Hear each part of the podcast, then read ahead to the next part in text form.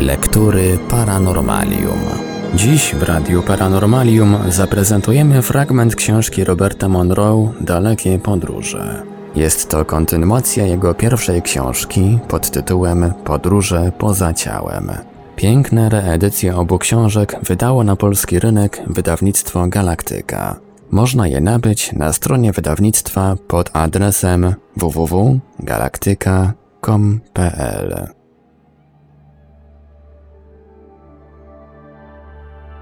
Rozdział pierwszy. Stara droga. Skoro od czegoś trzeba zacząć, to przede wszystkim chciałbym powiedzieć, że nadal żyję, mimo iż od 25 lat praktykuję wychodzenie z ciała. Czas wprawdzie zrobił swoje, lecz wciąż jestem bardziej lub mniej sprawny. Chwilami jednak nie byłem tego taki pewien. Lekarze, do których zwracałem się z moimi dolegliwościami, mieli na ich temat różne poglądy. Niektóre autorytety w dziedzinie medycyny zapewniały mnie, że moje choroby stanowią naturalną konsekwencję życia w cywilizowanym świecie, że są spowodowane warunkami, w jakich żyje społeczeństwo amerykańskie drugiej połowy XX wieku. Natomiast inni lekarze uważają, że fakt, iż wciąż jeszcze żyję, zawdzięczam wieloletnim podróżom poza ciało. Sami zdecydujcie, który z powyższych sądów jest trafny. A więc okazuje się, że regularne wychodzenie z ciała nie zagraża życiu. Co więcej, nie wpływa też ujemnie na psychikę. Mówię to na podstawie własnego doświadczenia, gdyż co jakiś czas byłem badany przez specjalistów, a wyniki testów wykazywały, że pod względem psychicznym jestem zupełnie normalny, choć świat, w którym przyszło mi żyć, całkiem normalny nie jest. Wiele osób robi różne dziwne rzeczy i uchodzi im to bezkarnie. W ubiegłym wieku taką osobliwą działalnością mogła być na przykład przeprawa w beczce przez wodospady Niagary. A zatem na czym polega zjawisko nazywane doświadczeniem poza ciałem? Tym, którzy jeszcze nic na ten temat nie słyszeli, wyjaśniam, że jest to stan, w którym człowiek, znajdując się na zewnątrz ciała fizycznego, zachowuje pełną świadomość, mogąc postrzegać i działać w taki sam sposób, w jaki to robi, przebywając w ciele fizycznym, z nielicznymi wyjątkami. Przebywając poza ciałem, możesz poruszać się w przestrzeni, i czasie, powoli lub z szybkością znacznie przekraczającą prędkość światła. Możesz obserwować otoczenie, uczestniczyć w zdarzeniach, których jesteś świadkiem. Możesz dzięki poczynionym przez siebie obserwacjom podejmować świadome decyzje. Możesz przenikać przez materię fizyczną, taką jak ściany, stalowe płyty, beton, ziemię, oceany, powietrze, a nawet przez strefę promieniowania radioaktywnego, bez trudu i jakiegokolwiek uszczerbku dla zdrowia. Możesz wejść do sąsiedniego pokoju, nie zadawszy sobie trudu otwierania drzwi. Możesz odwiedzić przyjaciela oddalonego o tysiące kilometrów.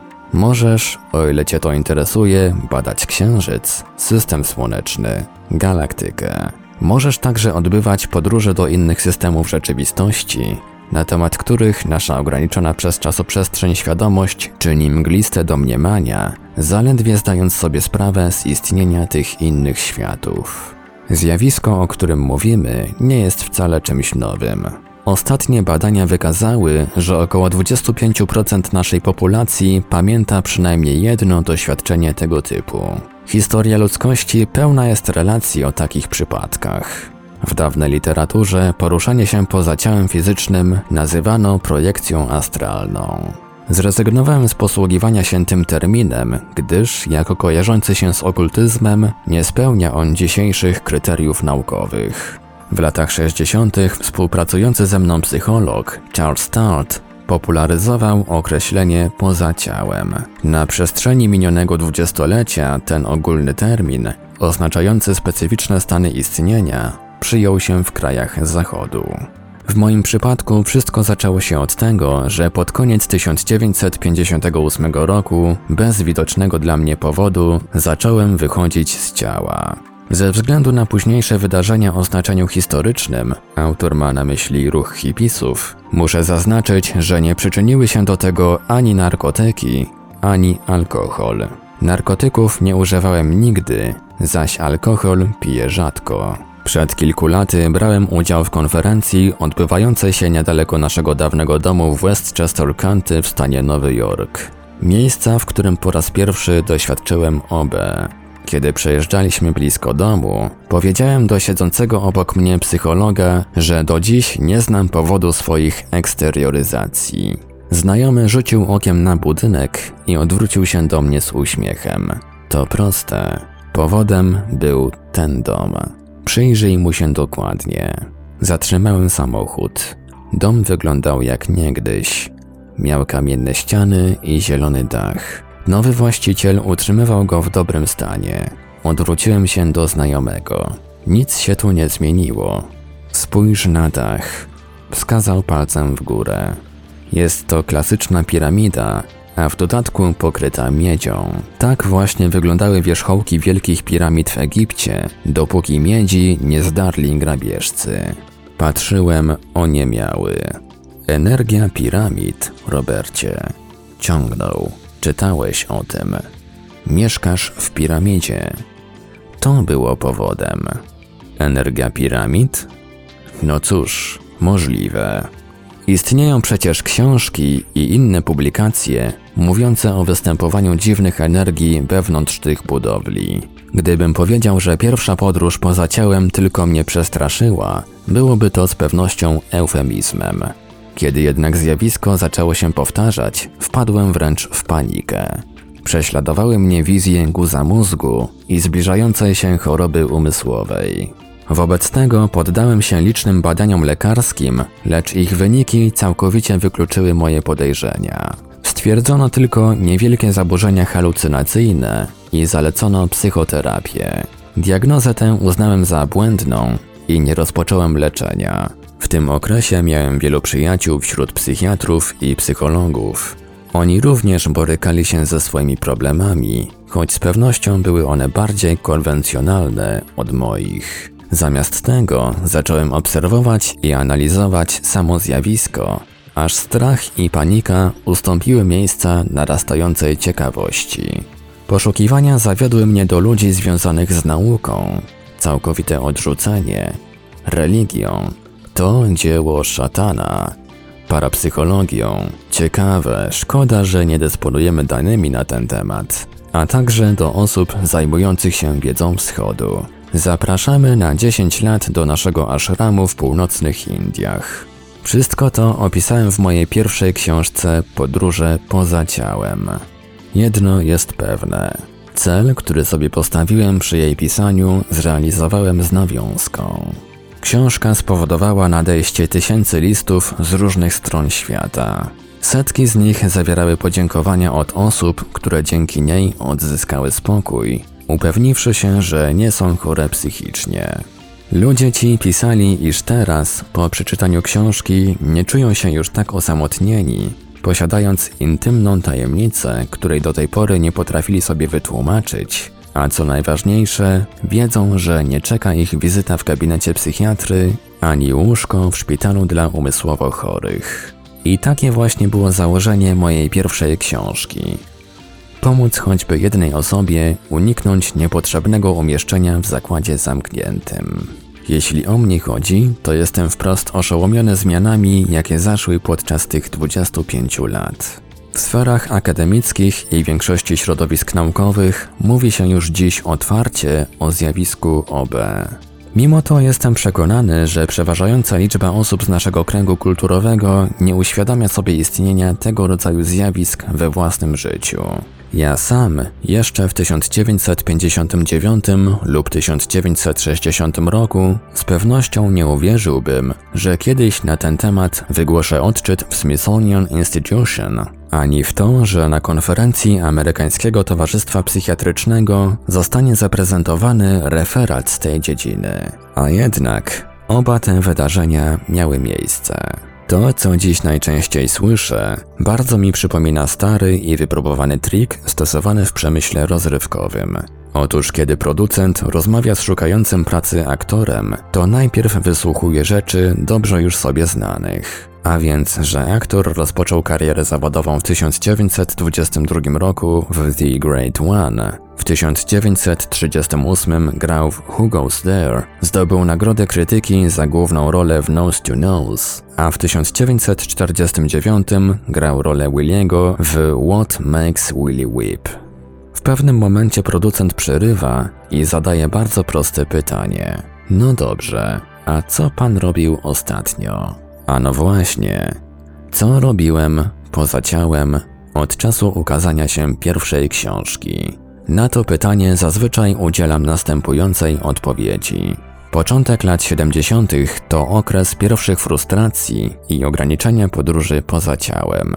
A teraz powiem coś, w co, jak sądzę, wielu osobom trudno będzie uwierzyć. Podróże te zaczęły mnie nudzić. Po jakimś czasie przestałem się nimi fascynować. Uczestniczenie w testach wymagało wysiłku, a ponieważ wiązało się z wysiłkiem, zacząłem sobie uświadamiać, że udowodnienie czegokolwiek w tej dziedzinie nie jest dla mnie możliwe, gdyż działam tylko w sposób sobie właściwy. Gdy jednak nie byłem krępowany ograniczeniami, jakie niosły ze sobą testy, to wydawało się, że nie pozostaje już nic ciekawego do zrobienia. Straciłem również zainteresowanie dla wcześniej wypracowanych technik wychodzenia z ciała, gdyż znalazłem łatwiejszy sposób osiągania tego stanu. Zwykle budziłem się po dwóch lub trzech cyklach snu, czyli po około 3-4 godzinach, całkowicie rozbudzony, odprężony fizycznie i wypoczęty. Oderwanie się od ciała i swobodne płynięcie przychodziło wówczas z dziecinną łatwością.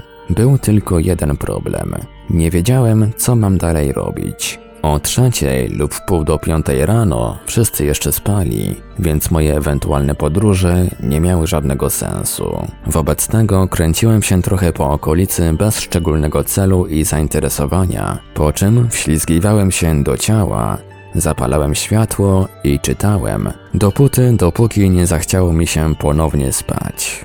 I tak to wyglądało. Zwiększało się tylko moje zniechęcenie, a przymus wciąż pozostawał. Musiało więc istnieć jakieś dodatkowe wytłumaczenie powodów i celu funkcjonowania poza ciałem, którego do tej pory nie dostrzegł mój świadomy umysł, ani umysł innego człowieka. Wiosną 1972 roku zrozumiałem w czym rzecz. To właśnie mój świadomy umysł stanowił czynnik ograniczający. A więc, jeśli, jak dotąd, pozostawię mu kierowanie eksterioryzacjami, nic się nie zmieni. Ma on nade mną zbyt dużą władzę. W takim razie, czy nie byłoby lepiej tę kierowniczą funkcję powierzyć mojemu całkowitemu ja, duszy, mającemu w działalności poza ciałem dużą wprawę? Będąc przekonany o trafności tego spostrzeżenia, postanowiłem urzeczywistnić swój zamysł. Następnego wieczoru położyłem się spać, a obudziwszy się po około trzech godzinach,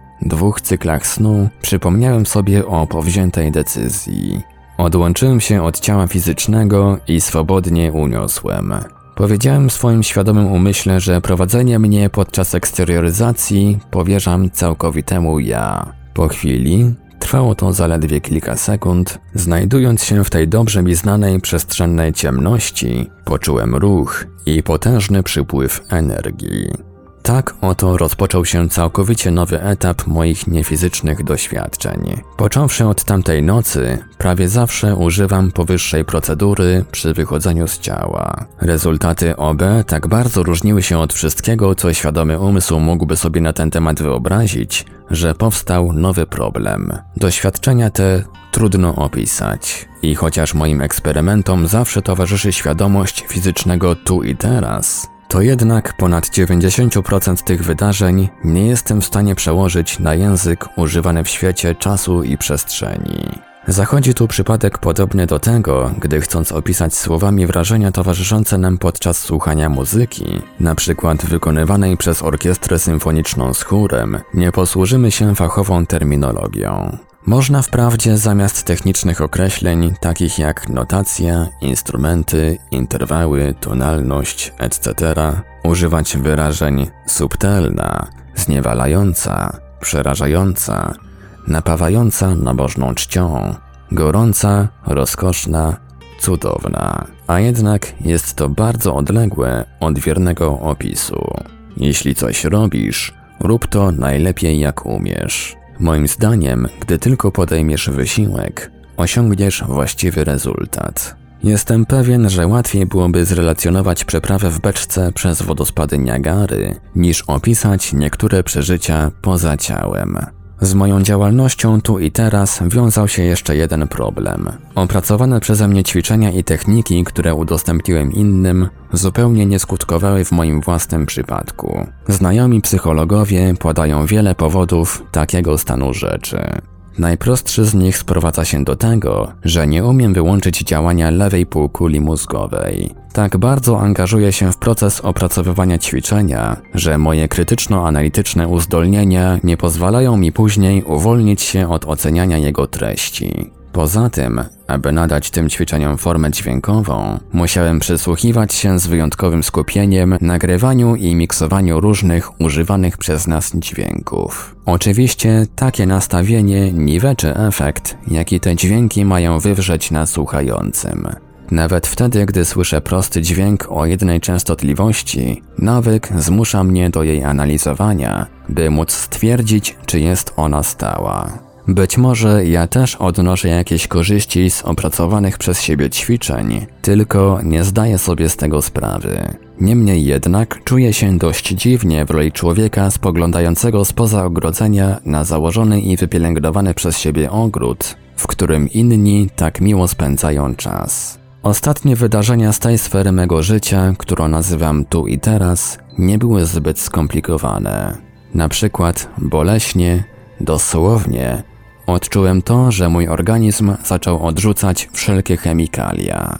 Nie przyjmuje on zarówno alkoholu, jak środków farmakologicznych i kofeiny, oraz najwyraźniej tego wszystkiego, co uważa za nienaturalne dla swego funkcjonowania. Objawem takiego odrzucenia czy też reakcji alergicznej jest obfity pot, wymioty, a także gwałtowne skurcze brzucha. Mogłoby to być konstruktywne, gdyby nie miało również stron ujemnych. Nigdy nie piłem nałogowo, a tymczasem już jedna lampka wina wywołuje wspomnianą reakcję organizmu. Szczególnie trudno poradzić sobie z tym problemem podczas operacji. Mój organizm zaczął odrzucać narkozę i budziłem się, ku zdziwieniu anestezjologa, na stole operacyjnym, czując jak chirurg zszywa moje ciało. Kiedy w czasie rekonwalescencji odczuwam silny ból, zaaplikowany demerol wywołuje jedynie wymioty. Możecie sobie wyobrazić, jak jestem sfrustrowany,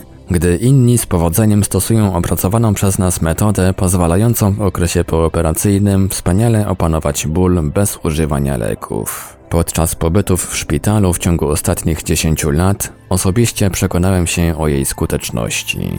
Byłem więc bardzo rozczarowany, gdy nie poskutkowała ostatnim razem.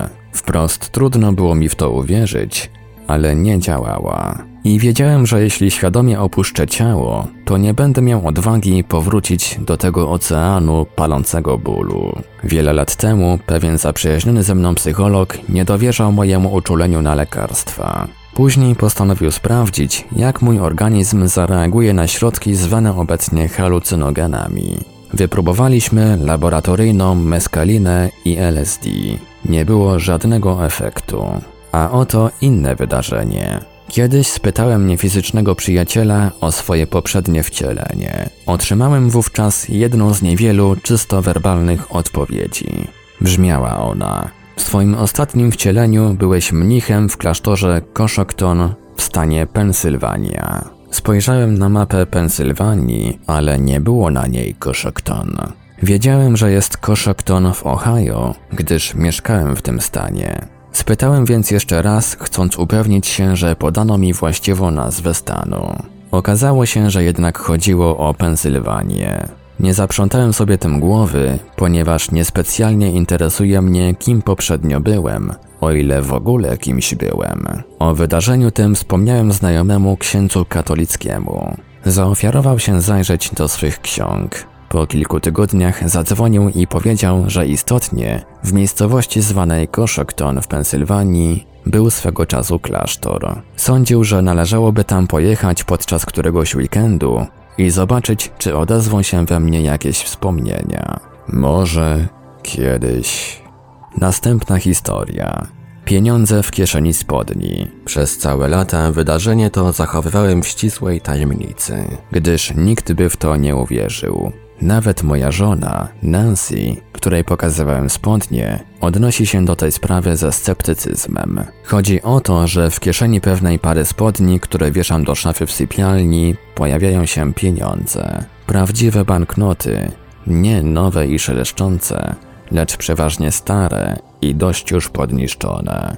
Kwota bywa niewielka, tylko 2, 3 lub 4 dolary. 11 dolarów stanowiło maksimum tego, co znalazłem. Czas nie odgrywa tu roli. Mogę nie zaglądać do kieszeni nawet przez tydzień i znajdę w niej, powiedzmy, 3 dolary.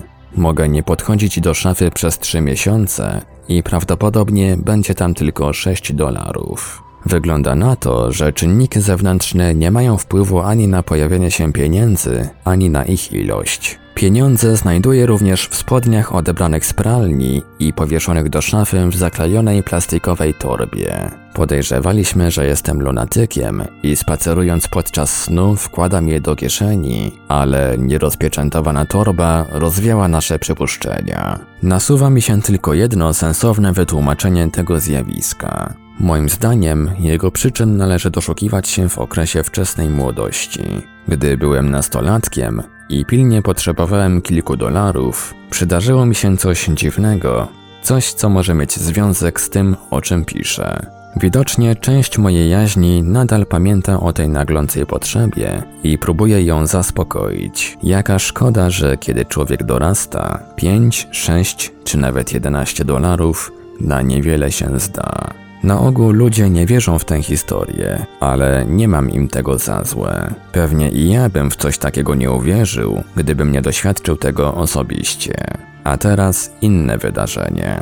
W naszym domu w Whistlefield Farm za salonem była weranda. Aby się na nią dostać, należało przejść przez dwie pary dwuskrzydłowych drzwi i zejść po kamiennych schodkach. Weranda znajdowała się na niższym poziomie. Schodki były strome, a różnica poziomów wynosiła około półtora metra. Pewnego ranka, mając w rękach pełno książek i czasopism, przechodziłem przez drzwi prowadzące na werandę. Gdy je mijałem, potknąłem się. Lewa stopa zawadziła oprawą i runąłem głową naprzód w kierunku kamiennej posadzki.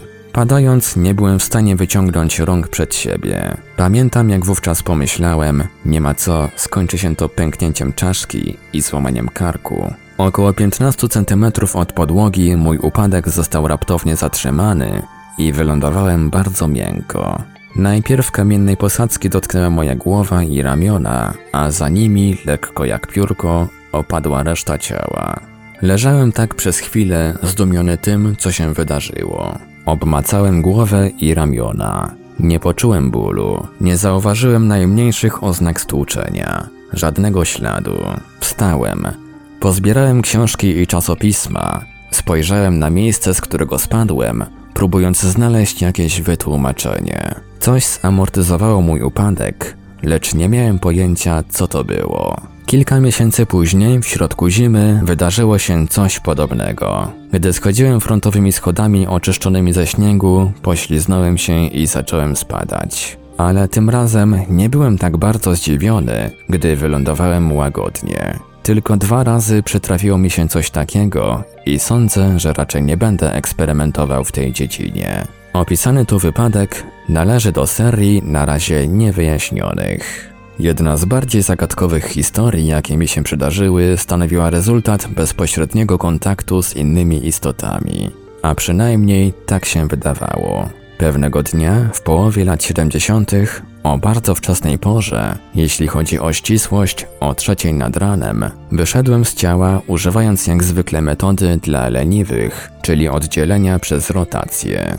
Niemal natychmiast podeszła do mnie niewyraźna postać, która wydała mi bardzo szczegółowe polecenie. Panie Monroe, 4 lipca o 7 rano proszę udać się do Eagle Hill. Zdziwiony poprosiłem o powtórzenie instrukcji. Była identyczna. Panie Monroe, 4 lipca o 7 rano proszę udać się do Eagle Hill. Nie zdążyłem nawet zapytać, po co mam tam pojechać i o co tu właściwie chodzi, gdy sylwetka zbladła i rozpłynęła się. Wobec tego wtoczyłem się do ciała, usiadłem i dokładnie zapisałem to, co mi powiedziano. Następnej nocy, prawie natychmiast po opuszczeniu przeze mnie ciała, pojawiła się ta sama istota, przekazując mi dokładnie takie samo polecenie. Było bardzo stanowcze, brzmiało niemal jak rozkaz i znów postać znikła, zanim udało mi się dowiedzieć czegoś więcej. Trzeciej nocy sytuacja się już nie powtórzyła. Najbardziej zadziwiające było to, że polecenie sformułowano bardzo wyraźnie oraz, że zostało dokładnie powtórzone następnej nocy. I najważniejsze, oni zwrócili się do mnie używając mego nazwiska. Opowiedziałem o tym rodzinie i kilku znajomym. Zainteresowali się tak samo jak ja. Snuliśmy różne przypuszczenia, lecz nie umieliśmy odpowiedzieć na podstawowe pytanie: gdzie jest Eagle Hill? Polecenie przekazano mi mniej więcej w kwietniu, było więc jeszcze dużo czasu, by dowiedzieć się, co ono oznacza. Nie mogliśmy znaleźć miejscowości o nazwie Eagle Hill. Minęło kilka tygodni i prawie zapomniałem o całej sprawie. Sytuacja uległa zmianie dzięki następującemu wydarzeniu. Pojechaliśmy w odwiedziny do przyjaciół mieszkających kilkaset kilometrów od nas. Siedzieliśmy na patio, jedząc obiad i gawędząc. Gospodarz miał radio z automatycznym wybieraniem różnych zakresów fal, innymi tych, na których nadaje policja, straż pożarna itd. Nagle moją uwagę przyciągnął głos dobiegający z radia. Eagle Hill. Podniecony zapytałem, na jaki zakres nastawione jest radio. Był to kanał Zarządu Lotnictwa Krajowego, który służy do utrzymywania łączności radiowej z samolotami. W napięciu czekałem na dalsze wiadomości. Widząc to, nasz gospodarz zapytał z zaciekawieniem o co chodzi. Nie trzeba dodawać, że nie uważałem za celowe opowiadać mu o całym zdarzeniu. Po paru minutach radio ożyło. Ktoś mówił głośno i wyraźnie. Tu jednostka 351. Jestem nad Eagle Hill, na wysokości 12 tysięcy stóp. Następnego dnia, po długiej jeździe powrotnej, poszedłem do oddziału FAA na naszym miejscowym lotnisku i zapytałem jednego z pracowników, gdzie znajduje się Eagle Hill. Odpowiedział natychmiast, że jest to punkt oczekiwania, czyli obszar, w którym samolot czeka na otrzymanie pozwolenia na lądowanie w sąsiednim stanie. Miejsce, gdzie została zainstalowana radiolatarnia lokacyjna. Pokazał mi je na mapie tras lotniczych. I rzeczywiście, widniała tam nazwa małej wioski Eagle Hill, choć miejscowości tej nie uwzględniała żadna z posiadanych przez nas map samochodowych. To stwarzało całkiem nowe możliwości wykonania polecenia. Zatem 3 lipca po południu wyruszyłem w długą podróż do Eagle Hill. Dojechałem do małego miasteczka w pobliżu domniemanego miejsca, zatrzymałem się w motelu, zjadłem obiad i wcześniej poszedłem spać. Na drugi dzień, punktualnie o 7 rano, zjawiłem się w Eagle Hill. Było to małe wiejskie skrzyżowanie, wokół którego stały dwa czy trzy domy, warsztat samochodowy i sklep. Słowem, Miejsce nie sprawiające na przybyszu wielkiego wrażenia. Wyglądało tak, jak gdyby nie zmieniło się przez ostatnie 30 czy 40 lat. Zjechałem na pobocze i zatrzymałem samochód. Kilku okolicznych mieszkańców siedzących przed warsztatem przyglądało mi się z zaciekawieniem. Czekałem już ponad godzinę, ale nic się nie wydarzyło. Nikt do mnie nie podszedł. Podniecenie, które początkowo odczuwałem, przerodziło się w rozczarowanie. Wreszcie, gdzieś po ósmej, pod obstrzałem ciekawych spojrzeń, uruchomiłem samochód, przejechałem przez Ingle Hill i wjechałem w rozciągającą się za nim okolicę. Ujechałem ze 3 kilometry, lecz nie zauważyłem niczego poza farmami. Wobec tego wróciłem do skrzyżowania i pojechałem na zachód. Znowu nic, żadnego znaku, żadnej zmiany. Nic, tylko wieś i farmy. Cofnąłem samochód i udałem się na wschód. Było identycznie. Wróciłem na mój posterunek na skrzyżowaniu i siedząc w samochodzie czekałem. Kiedy zbliżała się dwunasta, doszedłem do wniosku, że cała ta sprawa jest po prostu przywidzeniem. Pojechałem do motelu, uregulowałem rachunek i zjadłem lunch. Prawdopodobnie albo trafiłem do niewłaściwego Eagle Hill, albo źle zrozumiałem polecenie. A może po prostu zakpiono ze mnie, lub też był to tylko sen. Po dłuższych przemyśleniach zrozumiałem, jaki błąd popełniłem. Zaproszenie czy też wezwanie nie dotyczyło mego przybycia do Eagle Hill w ciele fizycznym, lecz w drugim ciele. Nie uwzględniono tylko tego, że eksterioryzując łatwo mogę odnaleźć osobę, natomiast trudno jest mi dotrzeć do wskazanego miejsca. Na marginesie dodam, że po latach, poznawszy pewnego urzędnika państwowego, spytałem go o to osobliwe miejsce, nie wspominając, dlaczego się nim interesuje. Powiedział, że znajdują się tam specjalne stanowe urządzenia badawcze. Ich zainstalowanie zbiegło się mniej więcej w czasie z moim pobytem w Ingle Hill. Widocznie fakt ten nie dotarł jeszcze do świadomości ogółu, albo też uszedł mojej uwagi. Dlatego miejsce, o którym mowa w moim opowiadaniu, nie zostało przeze mnie prawidłowo zlokalizowane. Jeszcze teraz lubię snuć domysły, co mogłoby się wydarzyć, gdybym stawił się na wyznaczone spotkanie w drugim ciele. Jeszcze inna historia. Moje przedsiębiorstwo otrzymało koncesję na założenie telewizji kablowej w Charlottesville w stanie Virginia i potrzebne nam było miejsce na wzgórzu za miastem do zainstalowania anteny odbiorczej. Właścicielem tego wzgórza był Roy, Niewysoki, łysiejący, energiczny mężczyzna o jasno-niebieskich oczach, obdarzony ciętym i wyrafinowanym dowcipem. Miał ogorzałą i pokrytą zmarszczkami twarz, gdyż przez wiele lat nadzorował pracę w sadzie liczącym ponad 200 jabłoni, położonym na szczycie wzgórza. Ponieważ był prawdziwym Szkotem, pertraktacje prowadził z wyszukaną obojętnością, ale zakończyły się one zawarciem rozsądnej i uczciwej transakcji. My zaś zostaliśmy przyjaciółmi. W pewien piątek, po lunchu, Roy mrugnął do mnie porozumiewawczo i zapytał: Lubisz grać w karty? Poczułem przypływ dawnego, dobrze mi znanego uczucia. A w co? Niektórzy mówią, zaczął, że nie jest to poker, bo rozgrywamy wiele dowolnych partii, ale zabawa jest wspaniała. Stawka wynosi tylko 10 lub 20 centów, więc nie spodziewaj się wygrania dużych pieniędzy. Spotykamy się co piątek, za każdym razem u innego z graczy. Obowiązuje nas jedna reguła: nie pijemy alkoholu podczas gry. Jest to najstarszy rodzaj pokera, jaki zachował się w Charlottesville. Ma już chyba z 70 lat, a to szmat czasu. Jeżeli chciałbyś dziś zagrać, powiedz gdzie będziesz, a wpadnę po ciebie około wpół do ósmej. Zobaczysz, będziesz się dobrze bawił na próbie chóru. Spojrzałem na niego nie rozumiejąc. Na próbie chóru? Uśmiechnął się.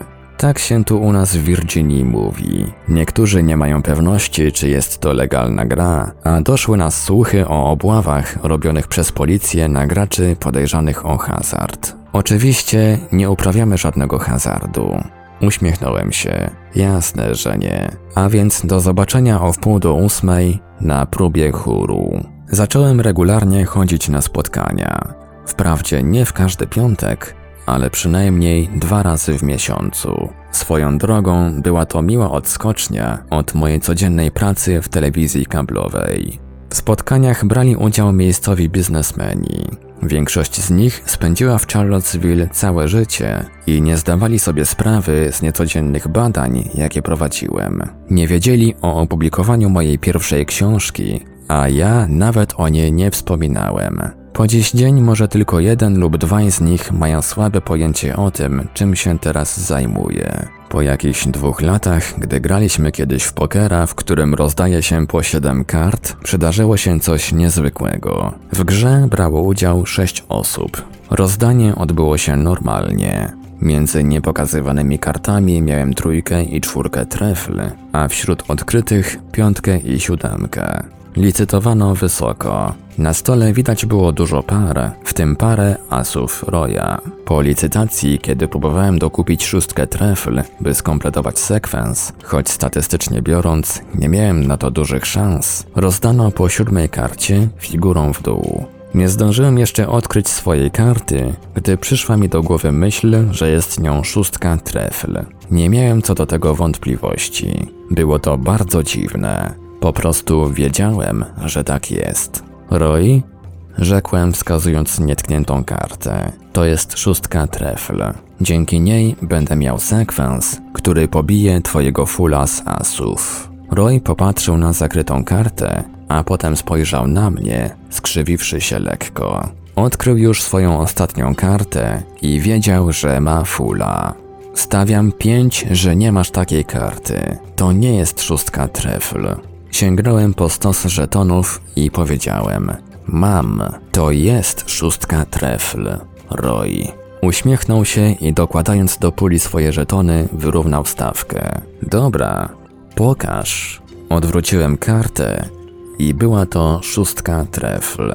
Roy uśmiechnął się, ale i tak nie jesteś lepszy od mojego fula i wyłożył swoje karty. Jego full z asów był najsilniejszym układem na stole. Stawiam następną piątkę, że wśród zakrytych kart nie masz trójki i czwórki trefl. Uśmiechnąłem się.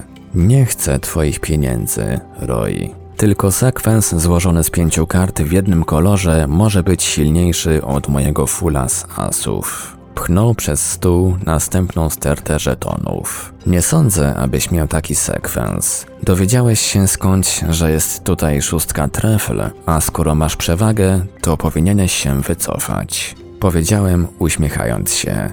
Nie chcę twojej następnej piątki, Roy. Po czym odkryłem trójkę i czwórkę trefl, dzięki którym miałem sekwens w treflach. Roy tylko spojrzał i powiedział coś takiego.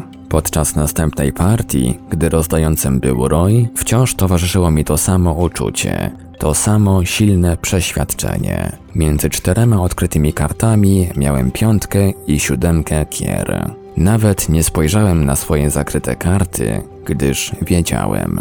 To wszystko, co mogę na ten temat powiedzieć. Po prostu wiedziałem. Roy, widzisz tę piątkę i siódemkę kier? Skinął głową. Tym razem nie miał asów. A teraz dasz mi ostatnią kartę, szóstkę kier. Dzięki niej będę miał sekwens w kierach. Jak widzisz, jeszcze nie obejrzałem swoich zakrytych kart.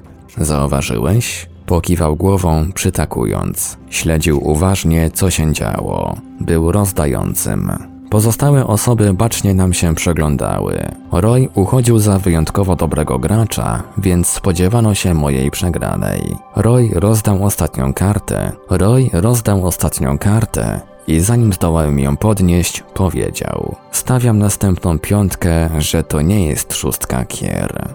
Nie, właściwie to stawiam 10 i cisnął przed siebie stos żetonów. Nie mam zamiaru wyciągać od ciebie pieniędzy, powiedziałem z uśmiechem.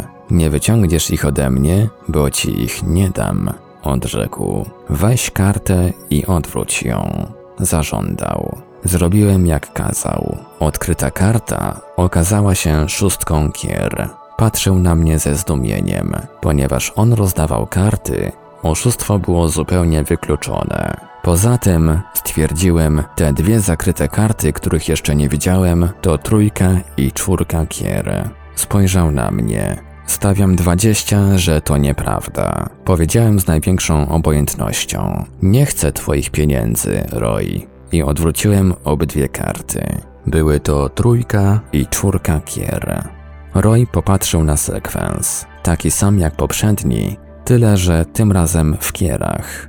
Chwilami wydaje mi się, że jesteś największym szczęściarzem, jakiego spotkałem. Pozostali gracze przytaknęli. O tej niezwykle szczęśliwej passie rozprawiano jeszcze przez kilka miesięcy. Szansa na uzyskanie dwóch kolejnych identycznych sekwensów przez tę samą osobę podczas rozgrywki, w której bierze udział sześciu graczy, wynosi mniej więcej 5 milionów 780 tysięcy do jednego. Jak to się stało? Nie mam pojęcia. Skąd wiedziałem? To bardzo proste. Dzięki przeświadczeniu. Przypuszczam, że wielu świetnych graczy zdobyło w podobny sposób duże pieniądze i straciło je, gdy przeświadczenie okazało się zwodnicze. W Radiu Paranormalium zaprezentowaliśmy fragment książki Roberta Monroe Dalekie podróże. Jest to kontynuacja jego pierwszej książki pod tytułem Podróże poza ciałem. Piękne reedycje obu książek wydało na polski rynek wydawnictwo Galaktyka. Można je nabyć na stronie wydawnictwa pod adresem www.galaktyka.com.pl.